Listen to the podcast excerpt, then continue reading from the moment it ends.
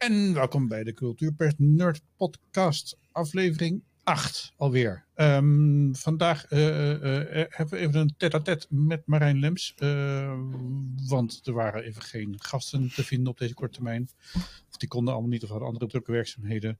Nou, volgende week wellicht weer, weer, weer een, een, een verrassingsguest. Um, Marijn, yes. heb jij nog bijzondere dingen meegemaakt deze week? Even, even een korte round-up. Van, Even denken, ik ben vanochtend ben ik uh, in Den Haag geweest voor uh, een, de voorstelling het, e-, het, Experiment. Die is nu bij hen, HNT Jong gemaakt door Casper van der Putten, gebaseerd op Die Welle.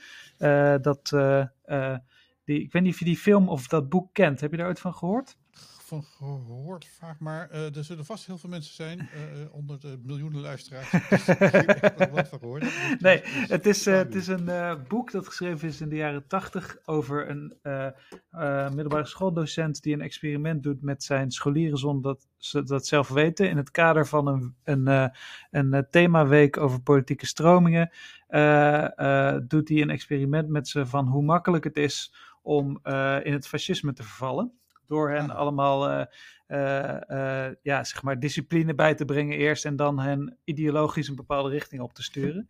En dat loopt volledig uit de hand en die studenten nemen, scholieren nemen dat allemaal heel erg serieus en dan ontstaat er een soort van Hitlerjugend, zou je kunnen zeggen. Hmm. En het is gebaseerd op een, onders op een iets dat daadwerkelijk gebeurd is aan een middelbare school of, of aan een universiteit, ik weet het niet meer zeker. Maar in de jaren zestig. Oh, dat was toch dat experiment? Uh, ja. Uh, ja, daar heb ik eens van gehoord. Ja, en ja. Uh, daar is in de jaren tachtig een boek, een fictieboek van gemaakt, een roman. En die is laatst in 2008 nog een keer verfilmd.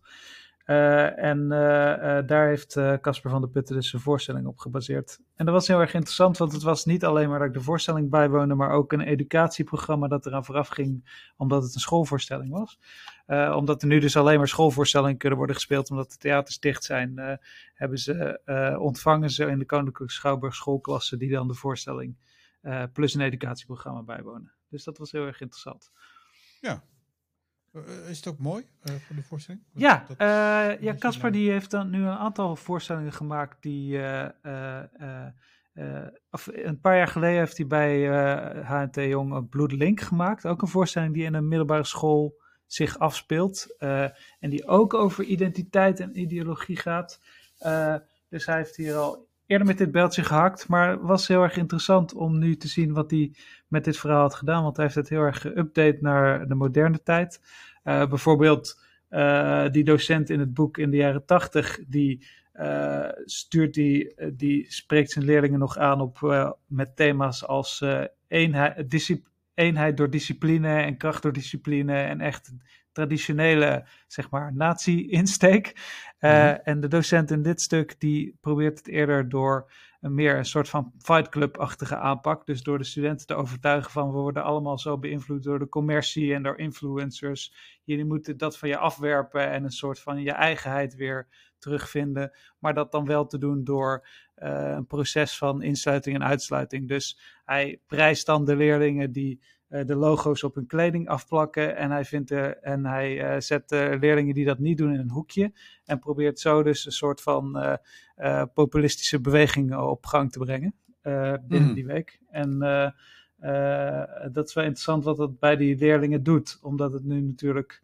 Ehm, uh, ja, zeg maar de manier waarop je leerlingen bereikt en de manier waarop je leerlingen door zo'n populistische beweging kan laten meevoeren, zijn nu anders dan zeg 40 jaar geleden.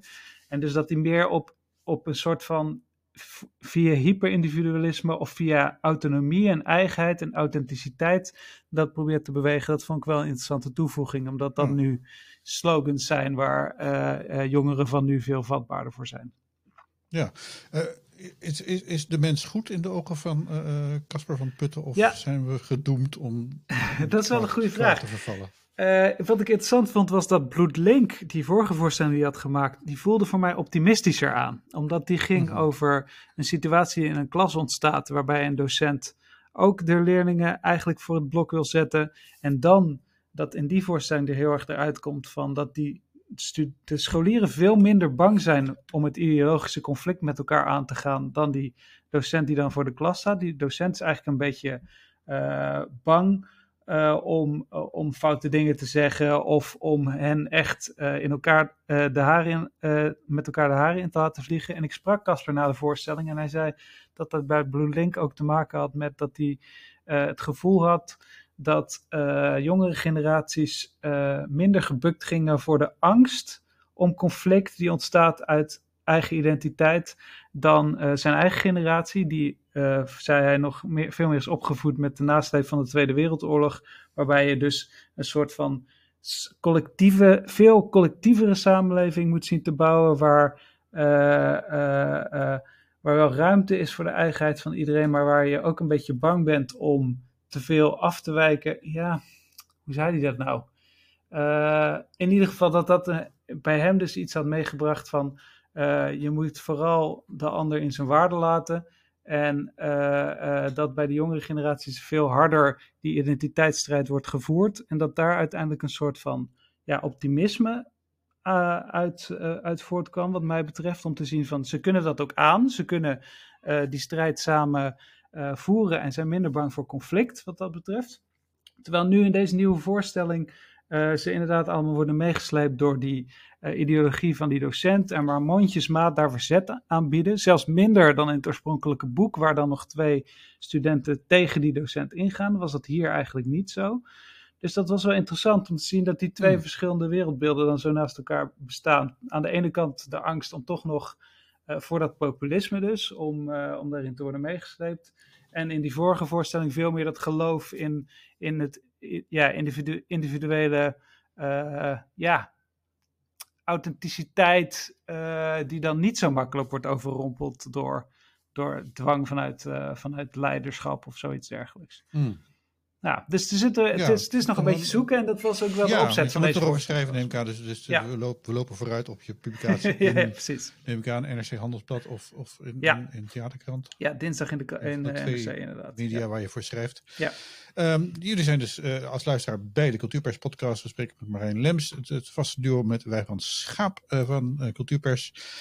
Um, en we, hadden, we namen even de afgelopen week door. Ik, ik heb zelf geen uh, hele diepe kunstervaringen gehad. Mm. Uh, tenminste, al, al, al, als dan niet anders, dat ik gewoon weer eens een keer een oude David Bowie plaat opzette. Oh, dat is ook lekker. En ik ben natuurlijk Bowie fan, dus het is op zich helemaal niet verrassend dat ik dat wel eens doe. dat, dat ik, dan, is het wel, dan komt het wel vaak hard aan. Ja. Dus ik had nu Scary Monsters. Uh, We gaan hem nu niet draaien trouwens, want nou, dat is geen goed. Ik heb nog niet alles goed aangesloten hier. Oké. Okay.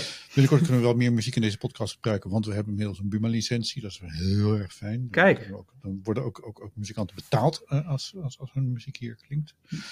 Dus daar willen we binnenkort wat meer mee gaan doen, zeg ik nog was. Maar ik vond het wel grappig dat Scary Monsters, is een, eigenlijk is een analoog thema eigenlijk natuurlijk, om, omdat die plaat is volgens mij uit 80.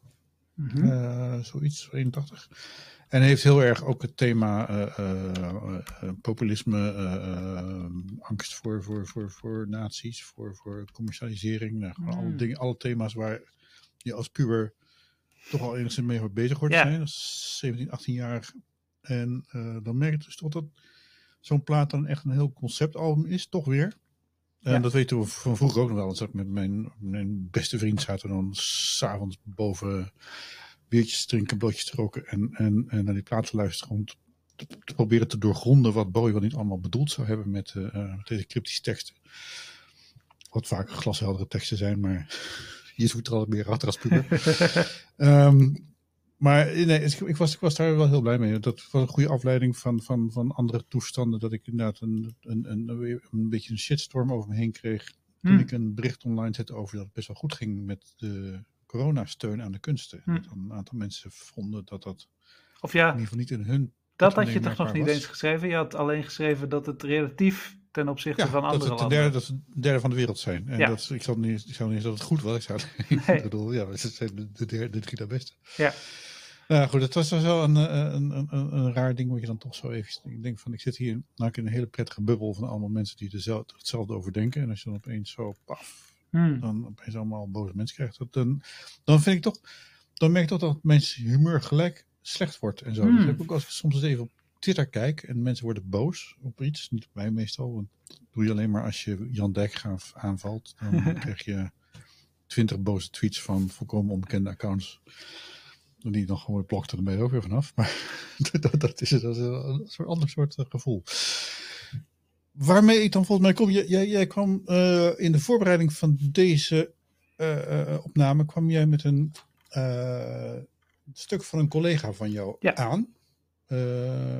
hoe heet hij ook alweer? Thomas van Huut heet hij. Thomas van Huut. Ja, en, en, een beeld, kunst. beeldende kunstcriticus voor, voor NRC en ook, ja. ook eindredacteur.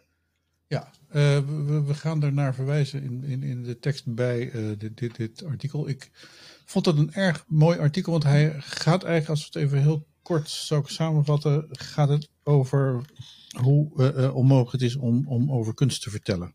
Of hoe mogelijk het eigenlijk is. Dat is ja. toch volgens mij de, het eeuwig dilemma van de kunstjournalist, denk ik. Ja. Daar gaan wij natuurlijk ook eigenlijk over met onze hele podcast. Ja. Hoe, hoe, hoe lees jij zo'n verhaal? Wat, wat, wat, wat, was voor jou de kernzin? Ik heb, ik heb nou wel een kernzin die, die, die ik uit wilde lichten. Uh, die ik wel heel mooi vond, ergens tegen het eind van het verhaal. Mm -hmm. Ik pak er even bij. Uh, het is een vrij lang verhaal. Um, even kijken hoor. Uh, wacht even. ja, de, de, de, de, de kunst biedt wel een uitgang uit het eigen hoofd. Hmm. Want door het maken, door ernaar te kijken, door, uh, door vervolgens erover te praten, te schrijven, te vertellen, geven we iets door en zijn we wat minder eenzaam. Ja. Ja, ik vond dat... betekent dat... er waarschijnlijk helemaal niet, uh, no nooit over bruggen, maar we blijven het proberen. Ja. We blijven liegen om de waarheid te vertellen. Dat is een maar, maar leuke zin. Um, maar dat, dat, ik, ik moest nou denken, tegelijkertijd bij wat je zei over die, die, die voorstelling waar je dan heen was geweest. Uh, er gaat heel veel in kunst en kunstbeschouwing over buitensluiting en angst voor buitensluiting. Mm -hmm. En dus inderdaad ook, ook zeg maar, hoe eenzaam ben je door naar kunst te kijken? Hoe eenzaam is wat jij voelt, wat jij meemaakt en, en, en hoe eng is dat ook? Omdat Ja. je vaak niet weet of het wel... Er zijn heel veel mensen volgens mij die, die bang zijn dat ze het niet goed doen. Hmm. Ja, Kijken naar kunst. En, en vooral als er dan zeg maar, zo'n zo'n bedweterige Hm. figuur naast staat van ja, nee, is het ook helemaal niet goed. Ik bedoel, dus, dus dat, dat, dat, eh, eh, en dat zit natuurlijk heel erg in, in nou, jouw dagelijkse praktijk. Ik ben er wat minder dagelijks mee bezig nu, maar, maar, maar dus hoe, hoe, hoe lees jij dat? Ja, wat ik, heel, wat ik interessant vond aan het stuk is dat eh, Thomas lijkt inderdaad ook met die zinnen die hij citeert iets te zeggen over dat kunst juist eenzaamheid kan overbruggen. Maar hij worstelt ook een hele stuk met eh, de kloof die er bestaat, eh, niet alleen tussen ons, eh, tussen al, al onze perspectieven op de realiteit, maar specifiek ook tussen de kijker naar een kunstwerk en wat de kunstenaar er zelf in heeft gelegd. En, Ja. dat, en dat vind ik ook mooi aan wat je net omschrijft over dat mensen soms het gevoel hebben dat ze het niet goed doen naar kunst kijken. Want dat vind ik dus eh, op een bepaalde manier een misverstand. Dat dat kan. Mhm. Dat je het niet goed kan doen eh, naar kunst kijken. Omdat ik denk van juist, ja, wat, we ook al in eerdere aflevering, wat ik ook in eerdere afleveringen gezegd heb, van juist de, de eigen vrijheid van de interpretatie van de toeschouwer naar een kunstwerk vind ik zo mooi aan kunst. Dat die, dat die vrijheid eigenlijk bijna onbeperkt is. En daarmee, dat vind ik ook mooi wat hij in dat stuk omschrijft, omdat hij, hij omschrijft een, eh, dat hij een, het, eh, het Museum de Pont in eh, Tilburg bezoekt, vlak nadat zijn moeder is overleden. Ja. Eh, nee, sorry, vlak nadat ze te horen hebben dat zijn Ja. moeder erg ziek was geworden. Ja, En dat hij daarom de meeste van die schilderijen niet echt ziet, omdat hij in een soort van emotionele waas zit. Maar dan één schilderij raakt hem heel erg. En hij projecteert eigenlijk op dat schilderij, nou, wat we allemaal doen als we naar kunst kijken. We projecteren daar een eigen, eh, onze eigen bagage op. En eh, zeker hij op dat moment zijn gemoedstoestand daarop. Eh, en komt dan tot een oorspronkelijke lezing van het werk waarvan hij vermoedt dat Tuymans die er nooit bewust in ieder geval heeft ingelegd. Mhm. En dat vind ik dat hij dat heel mooi omschrijft. En ook daarmee de uitdaging voor, voor de criticus van in hoeverre neem je je persoonlijke, hoe, in hoeverre kun je onderscheid maken tussen een persoonlijke blik op een kunstwerk of een meer intersubjectieve blik op een kunstwerk? Uh, Ja. In de zin van, wat kun je over het kunstwerk zeggen wa- waarvan je vermoedt dat het, dat het intersubjectief waar is, dat het dus voor meerdere mensen waar is, dat het ook voor de kunstenaar die het gemaakt heeft waar is. Uh, en in hoeverre besteed je aandacht aan je hoogst subjectieve blik op dat kunstwerk en hoe schrijf je daar dan over? En daar gaat het Ja. stuk voor mij een groot deel voor mij over. En dat vind ik dat hij dat heel mooi uh, omschrijft. Ja, uh, nee, dat jij ook er, erg goed omschrijft. Hoe, hoe is dat? Ver? Ik, ik zal misschien even met, met een voorbeeld van mijn kant uh, ja. afstaan. Ik, ik, um, er is één grote theaterhit in, in, van toneelschrijver van Nederland, van Lot Vekemans, Gif. Hm. En uh, dat, dat is, nou, die wordt wereldwijd overal gespeeld, heeft alle prijzen gewonnen die, die je maar kan denken enzovoort. En ik zag de première, uh, nou, ik denk 2003 of 2004, Mhm. mm -hmm. denk ik, zoiets. En ik had dus moeilijk daarmee, omdat, nou, dat is misschien even heel persoonlijk, maar dat is Ja. toch wel leuk omdat we toch persoonlijk zijn en er luistert toch niemand, dus dat geeft niet. Ja. Uh, maar, uh, uh, dat, dat, dat was zeg maar precies in de tijd dat duidelijk werd dat wij, ik, mijn vrouw en ik, dat de IVF niet zou gaan lukken. Hmm. Dus in, in dus de, de, de, de regeer, regeerbuis bleef leeg, zeg maar. Dat was een beetje het. Dus dat is best wel een soort uh, rouwproces waar je dan Ja. in zit. En GIF gaat, dat is een voorstelling over twee ouders die uit elkaar gedreven worden door de dood van hun kind. Dat ik het zo even heel kort uh, Ja. uh, zeg, maar ook weer bij elkaar probeert te komen in een soort wachtkamersituatie. Nou, in alles uh, raakte die voorstelling mij dus veel harder dan ik denk, maar tegelijkertijd ook zo hard dat ik, dat ik, er, dat ik hem me niet vond raken. Oh, je? omdat je er afstand Dus- van nam eigenlijk. Ja, kennelijk. Ja. Dus, dus dat zo van, van mijn persoonlijke ervaring was te intens. Om op dat moment, zeg maar, een, een, een ook wel persoonlijk verhaal van Lot Vekemans. dan ook nog op waarde te kunnen schatten. Omdat ik dacht, ja, maar zo, zo gaat het helemaal niet. Dat is wel. En dus dat, dat zat in mijn eh, eh, ding. Dus ik, ik voelde een soort afwijzing voor die voorstelling. Wat een heel persoonlijk gebeuren was, natuurlijk. En, eh, maar dat, dat denk ik van, goed, ik heb het toch opgeschreven, want ik was daar volgens mij toen nog voor de GPD of voor Parool of nou, een van die andere kranten waar ik het voor schreef. En, en nou, ik, had dus, ik, ik, ik heb nu de eer de enige negatieve recensie van het stuk gif van uh, uh, Rod Vekemans te Ja. hebben. Ja. Want hoe, hoe had je het omschreven, je, je ervaring daarmee? Nou, ik vond, ik vond dat die acteurs veel te, veel, veel te veel zaten te, uh, zoals ik het gebruikt heb, pinteren. Mm. Dus betekenisvolle stiltes laten vallen, betekenisvolle blikken. Uh, diepte suggereren waar die er wat mij betreft niet zat. Uh, effectbejag. Hm. Allemaal echt, ik geloof dat ik echt alles fout vond. Wat ik word dat ja. hier, hier was daar sprake van, van een, een recensent die nou, ook even in gesprek was met zichzelf en dat niet deelde met zijn lezers. Ja. Dat heb ik toch niet gedaan. Ja. Zouden altijd laten ons kiezen. Maar goed, bij deze, Lot, sorry. maar uh, uh, uh, het, is, het, is, het is een, uh, zou, zou Herin Wensink hier naar luisteren? Want dat, dat, zij, zij, zij vindt ons erg verzoenend tegenwoordig. Maar goed, dat is een... Um, -huh. Uh, Wets van de Volkskrant die een uh, heel erg lovend stuk over deze podcast heeft geschreven. Nou, uh, maar dat, dat dus. Is een, is een... Maar, maar zou, je, zou je, als je daarop terug, aan terugdenkt, zou je dan, Mhm. mm -hmm. wat zou je nu dan anders doen? Zou je, zou je een andere recensie schrijven? Um, ik denk dat ik, dat ik nu, nu zit ik ook niet meer met het. Met nee, sorry. het nee, sorry. Ik bedoel, krant, als je, nu, als je nu uh, weer in die situatie ook zou zijn, Ja. dus, dus inderdaad wel met meenemen van die emotionele bagage. Ja, nou, dan, dan, zou ik, dan zou ik dat absoluut erin verwerken. Maar dat heeft ook het voordeel dat ik nu niet meer voor een krant werk, waar Oh, ja. een soort formatplicht is. Ja. En je toch geacht wordt uh, uh, met de stem van de krant te spreken, toch een beetje. Ook al, ook al is het een persoonlijk verhaal, staat je naam boven. Ja. Dus dat, dat is een ander soort ding. Kijk, op, op mijn eigen weblog of op Cultuurpers, daar staat mijn naam ook over. Maar Cultuurpers hanteren we iedereen, eis ik van bijna dat ze daar een persoonlijke stijl hanteren. Mm -hmm. Dus dat het juist het, het, het, persoonlijke verhaal over kunst veel belangrijker is dan het soort algemeen ex-cathedra spreken van, van, van een, een kunstbeschouwer. Hm. Terwijl ik wel vind dat je op de katheder moet zitten, maar je moet dan weer afdalen. Nou, maar voor mij zou, zou zoiets, ik heb het volgens mij nog, nog wel eens meegemaakt hoor. Ik denk dat, uh, nou ja, ook als, volgens mij rond de dood van mijn moeder was ik ook nog druk aan het schrijven voor, yeah. voor het Rondfestival volgens mij. En dan komen er gewoon dingen wel harder aan. Ik geloof niet dat ik daar toen rechtstreeks over, omdat ik ook geen voorstelling had die toen daar heel erg nee. op, op, op Maar dat, ja. Ja, ik vind dat een heel goede, goede vraag. Hoe, hoe ga je daarmee om? Omdat ehm, wat kan gebeuren is dat je inderdaad, dat merk ik bij mezelf ook wel. En ik heb er straks een voorbeeld van, van een recensie van iemand anders die ik vandaag las, waar ik dat ook heel betreffend in vond. Is wat kan gebeuren als je een, als je een emotionele reactie hebt op een werk vanwege iets dat je in je eigen leven hebt meegemaakt. Uh, dat je daar dan in je recensie um, uh, um, ja, te, misschien te weinig transparant over bent, waardoor, het, waardoor je het probeert te vatten in soort van in, in normatieve kritiek. Uh, ik zal even een voorbeeld geven. Dus okay. ik las vandaag een recensie van, van een nieuwe videogame. It Takes Two heet die, die komt morgen uit en het gaat over een, uh, een stel ouders dat op het punt van scheiden staat.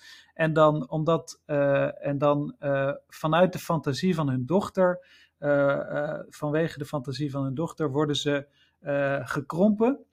En moeten ze terug naar huis komen door hun eigen tuin en door hun eigen woonkamer. Maar dan dat ze heel erg klein zijn. En dan moeten ze dus samenwerken om om weer uh, ja, echt tot mensen te worden. En uh, dat wordt hmm. dus, het is dus een beetje een soort van metafoor voordat die ouders weer met elkaar moeten communiceren en er samen moeten proberen uit te komen. ik las een recensie over. Ja, het, is, het is inderdaad een beetje zo'n oud, oud romantische comedy concept. Maar daar was, de, was deze recensent was er heel bitter over aan het begin van zijn recensie. Ik lees dat even voor. Ja. I almost turned it off. Genuinely, genuinely, after 10 minutes, I'd had enough. A story about a girl's divorcing parents who are magically shrunk so they can go on an adventure together and in doing so work out their differences and get back together? Do me a favor. People divorce and families move on. It's a normal part of life and shouldn't be construed as anything but. Are children supposed to play this and believe their parents could have rescued their relationship? Are divorced parents supposed to play it and feel bad? It's a dangerous idea to play with. Moreover, the story is excruciatingly told. Your daughter finds a book about love at school, and it manifests as some all powerful, passionate Latin love guru, an over the top love therapist for shrunken mom and dad. All day, you need to do is learn to work together again. Rediscover your passion. Huh, pass me the sick bucket. It's like being pitched a condescending, sugar powered seminar on marital relations by the Cartoon Network. Oké, ik voel één ster aankomen. Ja, ja nou, hij is, wordt er daarna heel positief over, omdat hij het spel zelf heel erg goed vindt, alleen het verhaal dus heel erg slecht. Mhm. En wat ik hier super interessant vond, uh, en daar is ook een hele discussie onder die recensie over ontstaan, is dat uh, hij blijkbaar zelf iets heeft meegemaakt. Namelijk, dat blijkt ook in de comments, hij is zelf gescheiden en hij heeft een dochter, uh, een zoon, sorry. Uh, en uh, hij vangt zijn kritiek dus in. Het spel geeft het slecht voorbeeld, want, want scheiding is al zo'n stigma, zo'n sociaal stigma. En dan hebben we niet nog meer van dit soort media nodig die gaat zitten doen alsof het kind er zelf iets aan kan doen. Dat, dat als ze maar hard mhm. genoeg wensen, dat de, kind, de ouders dan weer samenkomen. En dat klopt natuurlijk, er zit ergens iets in. Maar tegelijkertijd vraag je als lezer van zo'n recensie af van in hoeverre heeft het trauma van deze recensent zelf nou een rol gespeeld in, uh, in hoe hij dit kunstwerk heeft ontvangen? En dan zou je misschien willen dat de recensent daar transparant over is. Ja, dat, dat, dat, daar, daar schreeuwden die openingsregels wel om, ja. vond ik, toen je het zo voorlas. Dan denk ik van, ja, oké, okay, deze man heeft eigenlijk nog een onbewerkte scheiding. Ja, ja precies. Ja. die niet helemaal soepel is gelopen. Er wordt nog wat ja. gepuzzeld over de, de, alimentatie.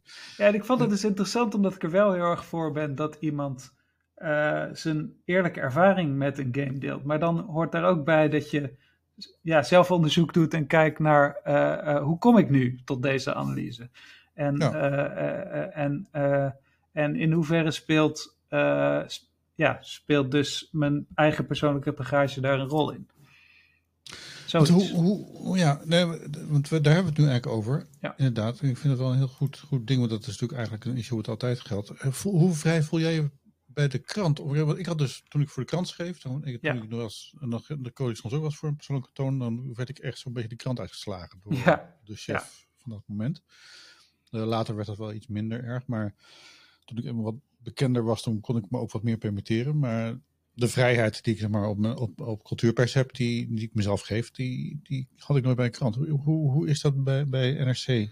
Ja, dat daar is nooit echt dat daar iets uh, heel erg strikts over gezegd is tegen mij, maar ik merk wel dat ik inderdaad in de krant ook misschien omdat ik daar minder woorden heb, dat speelt denk ik ook een rol, is dat ik me daar wat, wat uh, uh, zeg maar, wat minder risicovol schrijf, wat dit soort dingen betreft. Dus ja. stel, een werk ontlokt aan mij een enorme emotionele reactie, dan zal ik nog steeds wel proberen die emotionele reactie in woorden te vangen. Maar als ik merk van, oh, het gaat hier een beetje te veel richting uh, een maatschappelijke kritiek bijvoorbeeld, of politieke kritiek, of, of een iets, iets emotioneels dat bij mezelf ligt, waar ik meer woorden voor zou nodig hebben om dat goed te kunnen uitleggen en goed te kunnen staven, dan vermijd ik dat altogether in die recensie. Uh, maar dat heeft denk ik voor mij meer met, uh, met het aantal woorden te maken dan met de stijl. Hoewel ook wel zo is dat ik denk dat ik bij de theaterkant inderdaad makkelijker vanuit de ik-vorm schrijf en zal schrijven dan bij NRC. Omdat ik misschien toch inderdaad impliciet heb meegekregen dat voor de krant daar uh, in ieder geval de schijn van, uh, uh, van een bepaalde mate van neutraliteit in moet zitten. Zelfs al is pluralis journalisticus, geloof ik. Ja. Wij, wij, van de krant. ja, ja, ja, precies. Ja. ja. ja. Hoewel dat dus nooit ja. in zoveel woorden tegen me is gezegd. Maar nee, wel... nee, nee, dus, dus, nee dat, dat was mij, mij ook niet door. Maar je merkt het gewoon op een gegeven moment wanneer je boem, boem is hoge ervaring hebt. Dat je ja, ja, ja, precies. Dat is niet. En dan, dan, uh, dat is bijvoorbeeld wel interessant dat mijn collega, Dick Sijp, die uh, voor, eerst voor NRC over cabaret schreef en nu voor de Groene Amsterdammer, die is dus uh, de laan uitgestuurd omdat die uh, volgens de eindredacteur over een, ik geloof een recensie over Peter Pannenkoek, uh, uh, ja, min of meer te politieke kritiek had geuit. Ah, maar eigenlijk moet ik dit niet. Moet nee, dat is misschien dat is een beroepsgeheim van, van interne. Uh, nee, dat, dat, is niet, dat, is, dat is niet per se zo. Uh, oh. uh, omdat dat in principe vrij in de openbaarheid is geweest. Alleen ik weet niet meer precies wat nu de aanleiding was. Dus dat okay. zou ik dan misschien een beetje onder de pet moeten houden tot een volgende ja, aflevering. Ja, ja, ja dat, dat, dat, dat, blijft eventjes een goed moment om eventjes een kleine oproep voor de donaties. Ben je blij met deze podcast? Laat het merken met een kleine bijdrage. Kijk op cultureelpersbureau.nl slash doneren en maak ons gelukkig. Ja, we hebben even de tranen gedroogd. Um, dus, dus Marijn Lems en, en ondergetekende wij ons schaap van Cultuurpers uh, hebben het over uh, de, de, hoeveel persoonlijkheid, uh, hoeveel persoonlijke shit neem je mee bij, bij het kijken van kunst.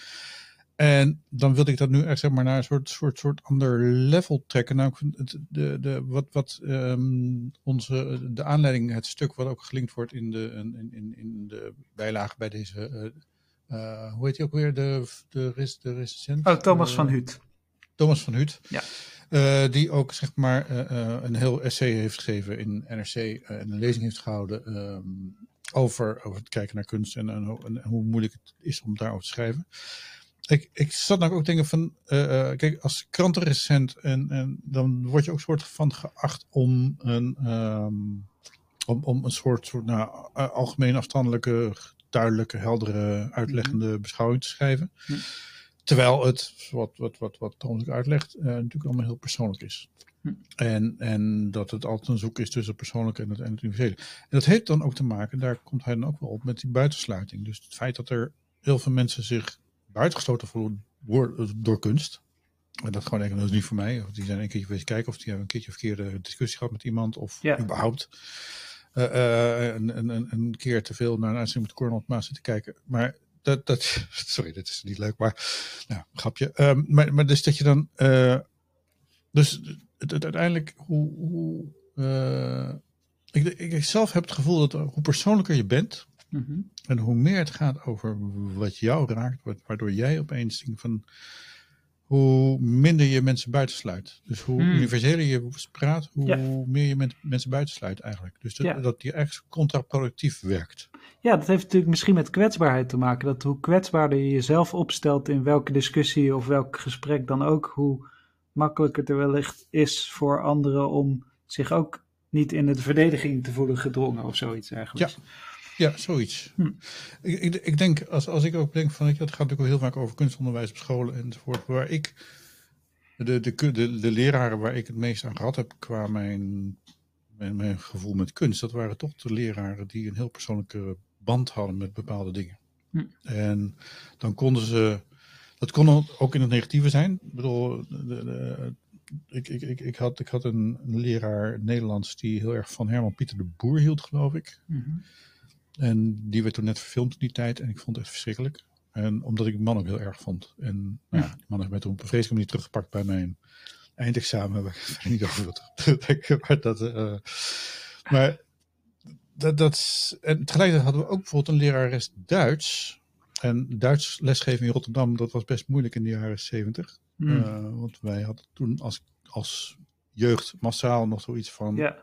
Ge geef ons die stad terug. Ja. Vuile Duitsers. Ja. dat, wij, wij fietsten iedere dag door de ruïnes. Ja.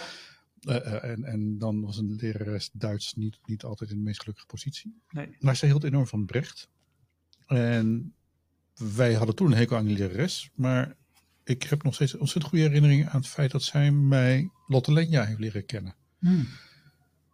En, en dus achteraf ben ik dan haar ook wel, zeg maar, 50 jaar na dato, nou, iets minder, uh, dankbaar dat ze dat toch gedaan heeft. En, dan, en tegelijkertijd ik dan ook respect voor het feit dat zij haar persoonlijke voorkeur toch gewoon bleef volhouden, ondanks ja. het feit dat ze zo'n veel andere klas tegenover zich had. Ja. Dus da, dan denk ik van, dat heeft mij meer geraakt, denk ik, dan uh, iemand die gewoon in algemene zin vertelt waarom Shakespeare zo goed is. De, en dat was bij haar omdat ze met een bepaalde ja, persoonlijke verbindenis met het werk kwam dan. Ja, ja het was een heel kwetsbaar mens ook wel. Hmm. Uh, en wij waren bruut. Och, eigenlijk, als je het zo dan denk ik van, wat, wat, wat kunnen middelbare Ja. ja. toch een eikels. Ja. ja. Ja, dat is, dat, ja nee, dat, daar, daar wil ik dan liever niet meer aan terug. Ik, ik was later een keertje bij, op een reportage op een, op een school. Nou, dat ging toen over uh, misdragingen van kinderen, jongeren, scholieren bij jeugdtheatervoorstellingen. Want dat is nog steeds wel een issue. Dat dan op een gegeven moment zo'n leraar klassieke talen van het Stedelijk Gymnasium, het Stedelijk Gymnasium in Utrecht tegen mij zei. Ja, uh, puber zijn, jong zijn, wat, wat, wat, wat, wat wil je dan eigenlijk? Ik van, nou ja, uh, jong zijn, leuk zijn. Nee, je wil maar één ding, dat is zo snel mogelijk oud worden. Ik, oh ja. Dus dat is zo'n soort ding van, van uh, nou ja. Because you're young is, is dan toch wel even wat anders dan, dan dat is een nummer Bowie trouwens. Maar uh, dat ah, ja. is dan toch, toch even iets van, ja, je, je, je, het is een vreselijke tijd om die hormonen gieren door je lijf. Je, ja. je, je, voelt ook overal de kans om ergens uit, buitengesloten te worden. En wat doe je dan dus als eerste? Anderen buitensluiten. Dat is volgens mij toch een beetje ja. de, ja. de, de, de, veldslag van, van, van de middelbare school. Zoals ik me die in ieder geval herinner. En zoals ik nog wel eens tegenkom als ik daar per ongeluk rondloop. Maar die docent dus, hè, dat, dat was dus omdat zij dan een combinatie had van... Uh, van uh, een persoonlijke verbindenis met dat werk en de kwetsbaarheid waarmee ze dat bracht. Dus dat zijn dan, ja. twee, dat zijn dan twee dingen. A, wel ja. degelijk stellingname over wat vind je, wat vind je kunst die, je, die jezelf de moeite waard vindt, die je geraakt heeft. En B, uh, de ruimte om daar op een, op een manier over te spreken die aan anderen de ruimte laten om hun eigen kunstervaringen net zo waardevol te laten zijn. Ja, maar ik, ik denk bijvoorbeeld, want later ging ik theaterwetenschap studeren en dan kreeg je college over Brecht en over het episch theater ja. en, en nou, alle, alle moeilijke dingen die, die er allemaal bij horen. Ja. En ik kreeg toen dus zeg maar met terugwerkende kracht respect voor die lerares die dan stil werd als ze uh, Mackie Messer hoorde. Hmm. Op een, oude krakerige plaat van, van, van, van, van Brecht. En dat, of, uh, uh, um, of Kurt Waalder natuurlijk met name. Hmm. Dus dat, dat, dat eigenlijk, en, en dus, dus dan, dan heeft die emotionele impact, zeg maar, drie jaar, vier jaar na dato opeens wel een, een, een soort op zijn plek val gebeuren. Ja. ja. Maar het is dus inderdaad heel belangrijk volgens mij dat je iemand hebt die dat persoonlijke uh, gebruikt. Ja. Toch? Ik vroeg me ook af, uh, Thomas die zegt in dat stuk dus inderdaad zoiets over kunst van de reden dat mensen uh, ja, dat mensen kunst haten of de, hun neus ophalen voor kunst, is dat we het zo groot maken dat ieder kunstwerk een onvergetelijke ervaring moet zijn. En als het daar niet aan voldoet, dat dat dan een enorme teleurstelling met zich meebrengt. Maar aan de andere kant dacht ik, ja, maar zit het ook niet aan, aan,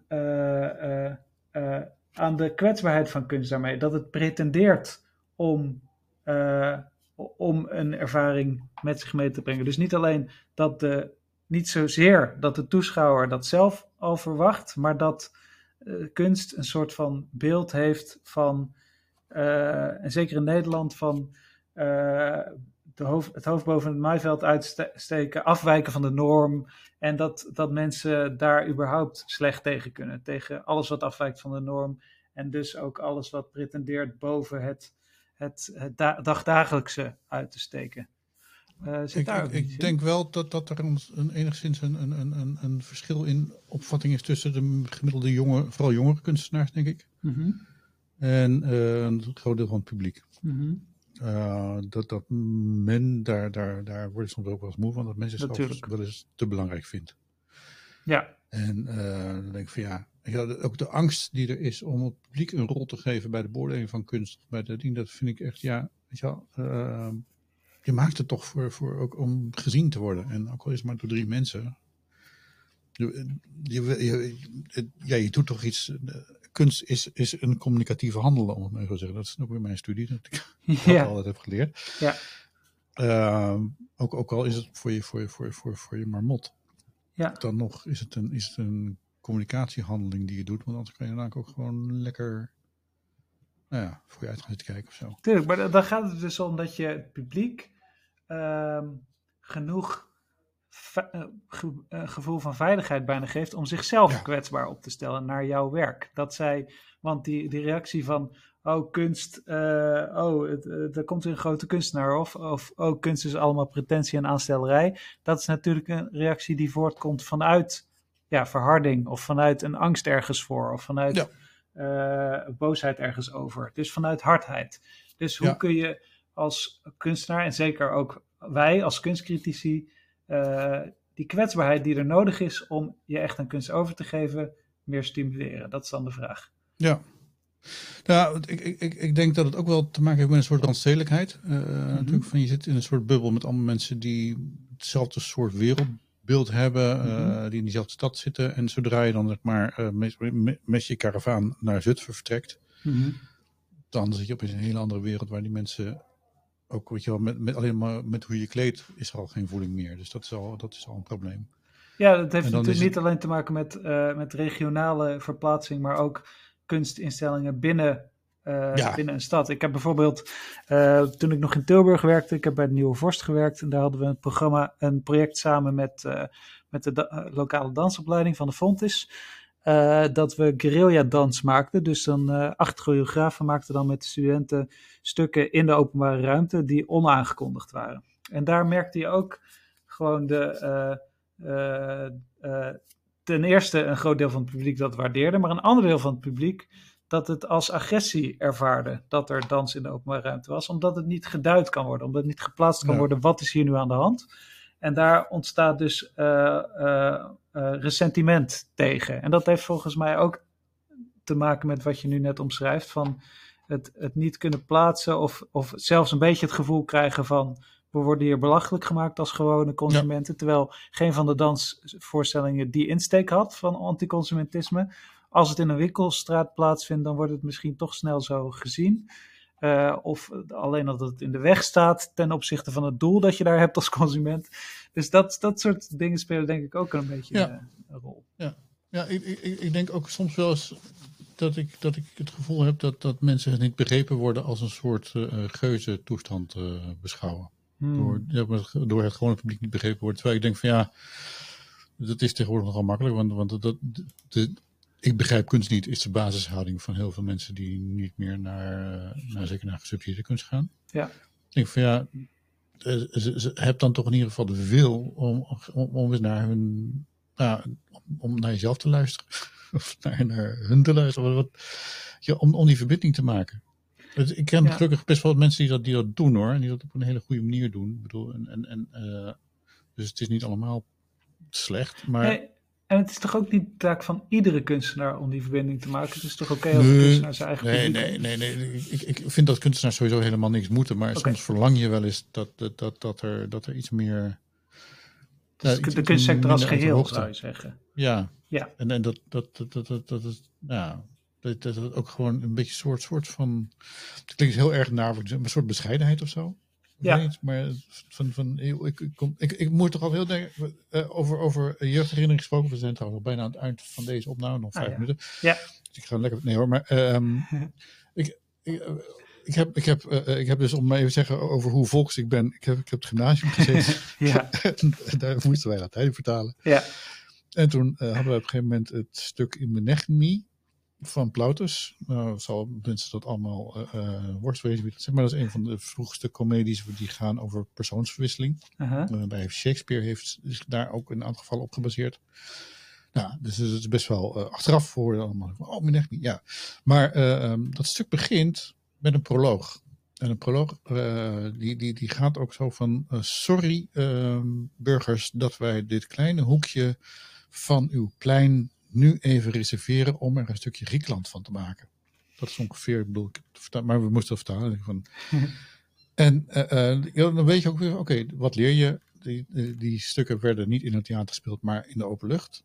Op een geïmproviseerd podium, op een plein, bij een jaarmarkt of wat dan ook. En, en, en, en dan moet zo'n proloog, moet, weet je wel, ruimte maken voor, voor dat stuk. En moet bij voorbaat excuses aanbieden voor het feit dat ze het waarschijnlijk niet zullen snappen. En nou ja, is hele, wat je later ook wel in proloog ziet bij Shakespeare of bij middeleeuwse stukken.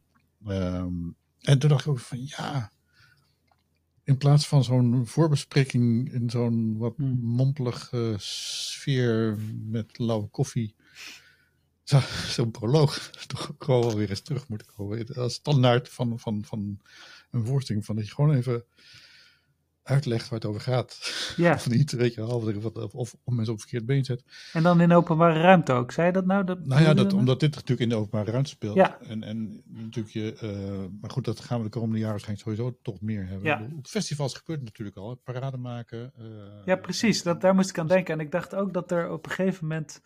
Nou ja, dat zou ik, kan ik net zo goed verzonnen hebben. Maar dat bij het Noord-Nederlands toneel ze een periode hebben gehad dat ze, dat ze daadwerkelijk eh, eh, de straat op gingen om, eh, om een preview van de voorstelling te spelen of Ja, zoiets dergelijks. Voor de, voor de voorstelling die die avond zelf plaatsvond. Volgens mij onder Ola Maflani ging dat. Ah, zo, kijk. Dacht ik. Dan heb ik het Maar niet gauw. Het kan ook zijn dat, dat nu die andere jongen heel erg boos, Koos Terpstra heel erg boos wordt. Maar Oh, precies. Dat, dat, dat, gaan Ja. we zo lang terug. Ja, nee, maar, maar ja, maar ik, ik, Ja, Ola dat was zou- natuurlijk ook wel van dat soort. Ja. Eh, is natuurlijk, ik bedoel, China, eh, daar zit ze nu Ja. samen met Adelheid Rozen. Daar, daar, dat is natuurlijk helemaal van. eh, wij veroveren de straat en gaan daar rare dingen doen en verbinding leggen.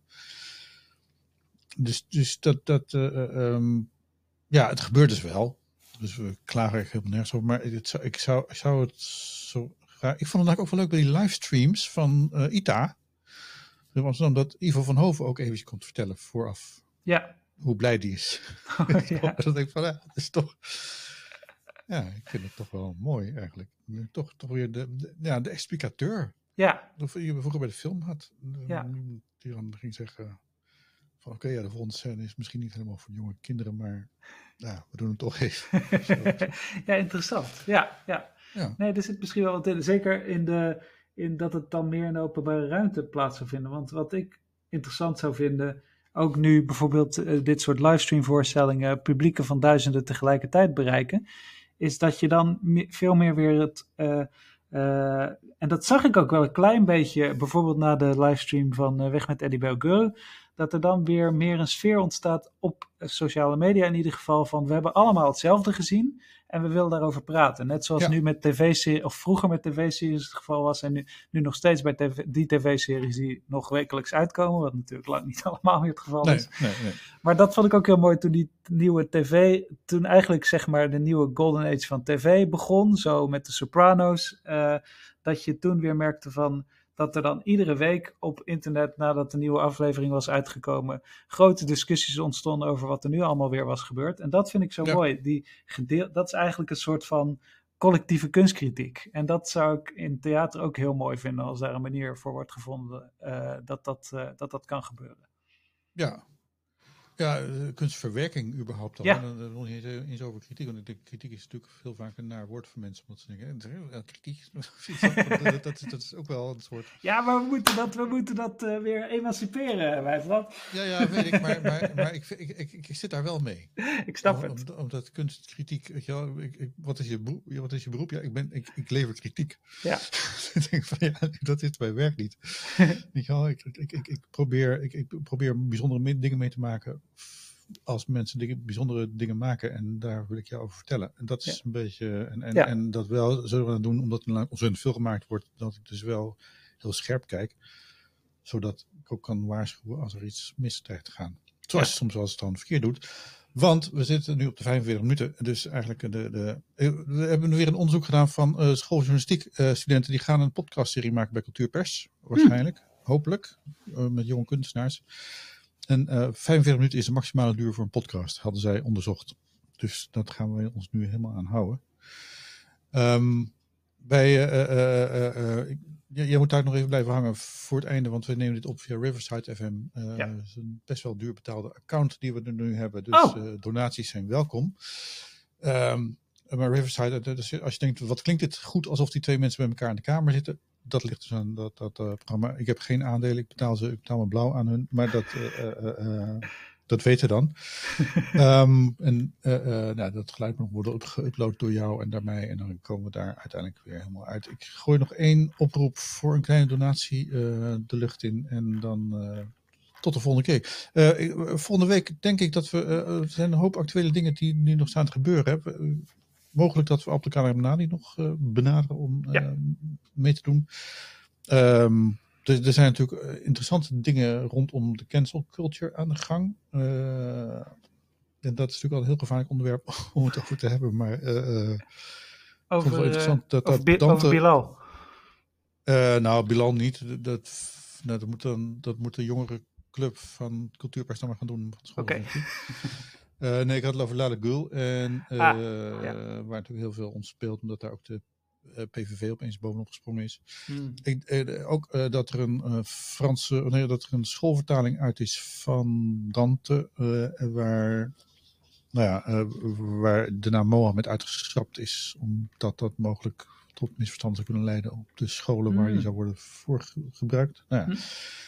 Dat is natuurlijk, dus, ik, ik denk ook wel van, dit lijkt wel toch wel een soort grensje van, van Ja. om een 14, 14e eeuws meesterwerk, eh doe maar gewoon eventjes van, van, van een paar details te ontdoen, eh, omdat dat kennelijk min, nou enzovoort. Kunnen gaan we we het het over hebben? over hebben. Ja, goed. Leuke onderwerpen. Ehm, dus eh, ik, gooi er eventjes de, de, de, de, erin en dan nog een, een leuke oproep om te doneren. Ben je blij met deze podcast? Laat het blijken met een kleine bijdrage. Kijk op www.cultureelpersbureau.nl slash doneren en maak ons gelukkig. Dus www.cultureelpersbureau.nl schuine streep doneren.